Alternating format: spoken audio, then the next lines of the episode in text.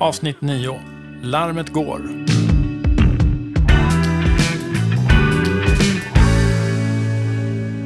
Vad händer när du nu har blivit lite mer rutinerad, lyssnat på massa snippets, lärt dig lite tips.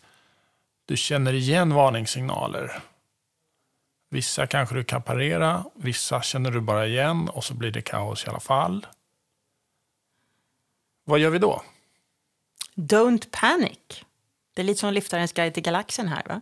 Du har din handduk och eh, du vet vad som ska ske eller inte. Nej, men don't panic. Du är medveten. Det är ett jättestort steg. Du är medveten om signalen och du vet att åh, oh, just det, det finns ett motgift, det finns ett motgift, jag kommer inte på det just nu. Välj ett av dem då. Prova och reparera så fort som möjligt. Men testa i alla fall någonting. Men jag håller ju på att explodera här av din idioti.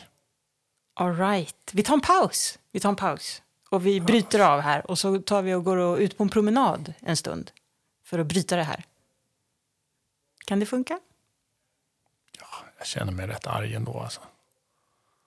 Men du behöver ju också då jobba med någonting som vi kallar för holding on to yourself.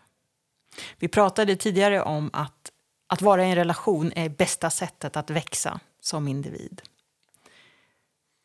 För att relationen ställer krav på båda parterna och det är svårt och, och eh, de här konflikterna placerar oss inte bara i komfortzonen utan de drar oss ut i de här utvecklings och tillväxtcyklerna. Så även om du är så där arg så vill jag att du jobbar med att holding on to yourself. Att du klarar av att lugna dig själv.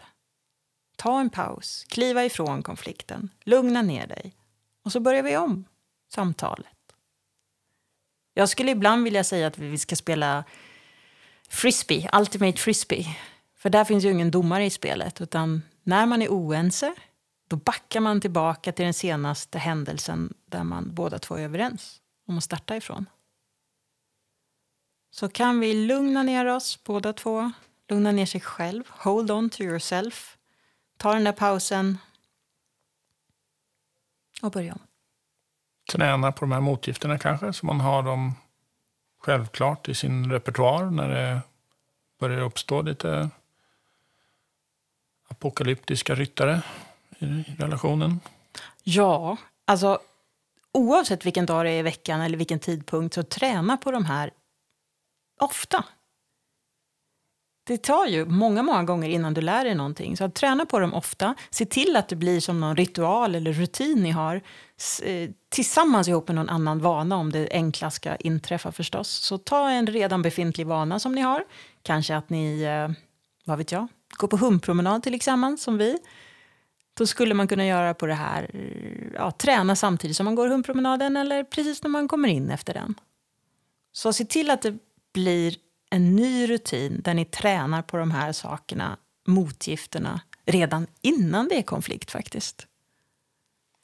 Ja, vissa rekommenderar ju ibland att de har då en veckomöte, State of Affairs, som det kallas för när eh, de i Amerika presenterar hur det står till i landet. Men att man har då en, en tid satt där man gemensamt, partners, sätter sig ner och pratar igenom veckan eller kommande vecka. och Som en del av sina rutiner då att förebygga mm. kriser. Mm. Och vi kan ju tillägga här att de här mästarna som vi har pratat om tidigare, de som har lyckats i sina relationer från Gottmanlabbet, de har ju en eh, ratio här av 20 positiva saker till en negativ sak som yttras.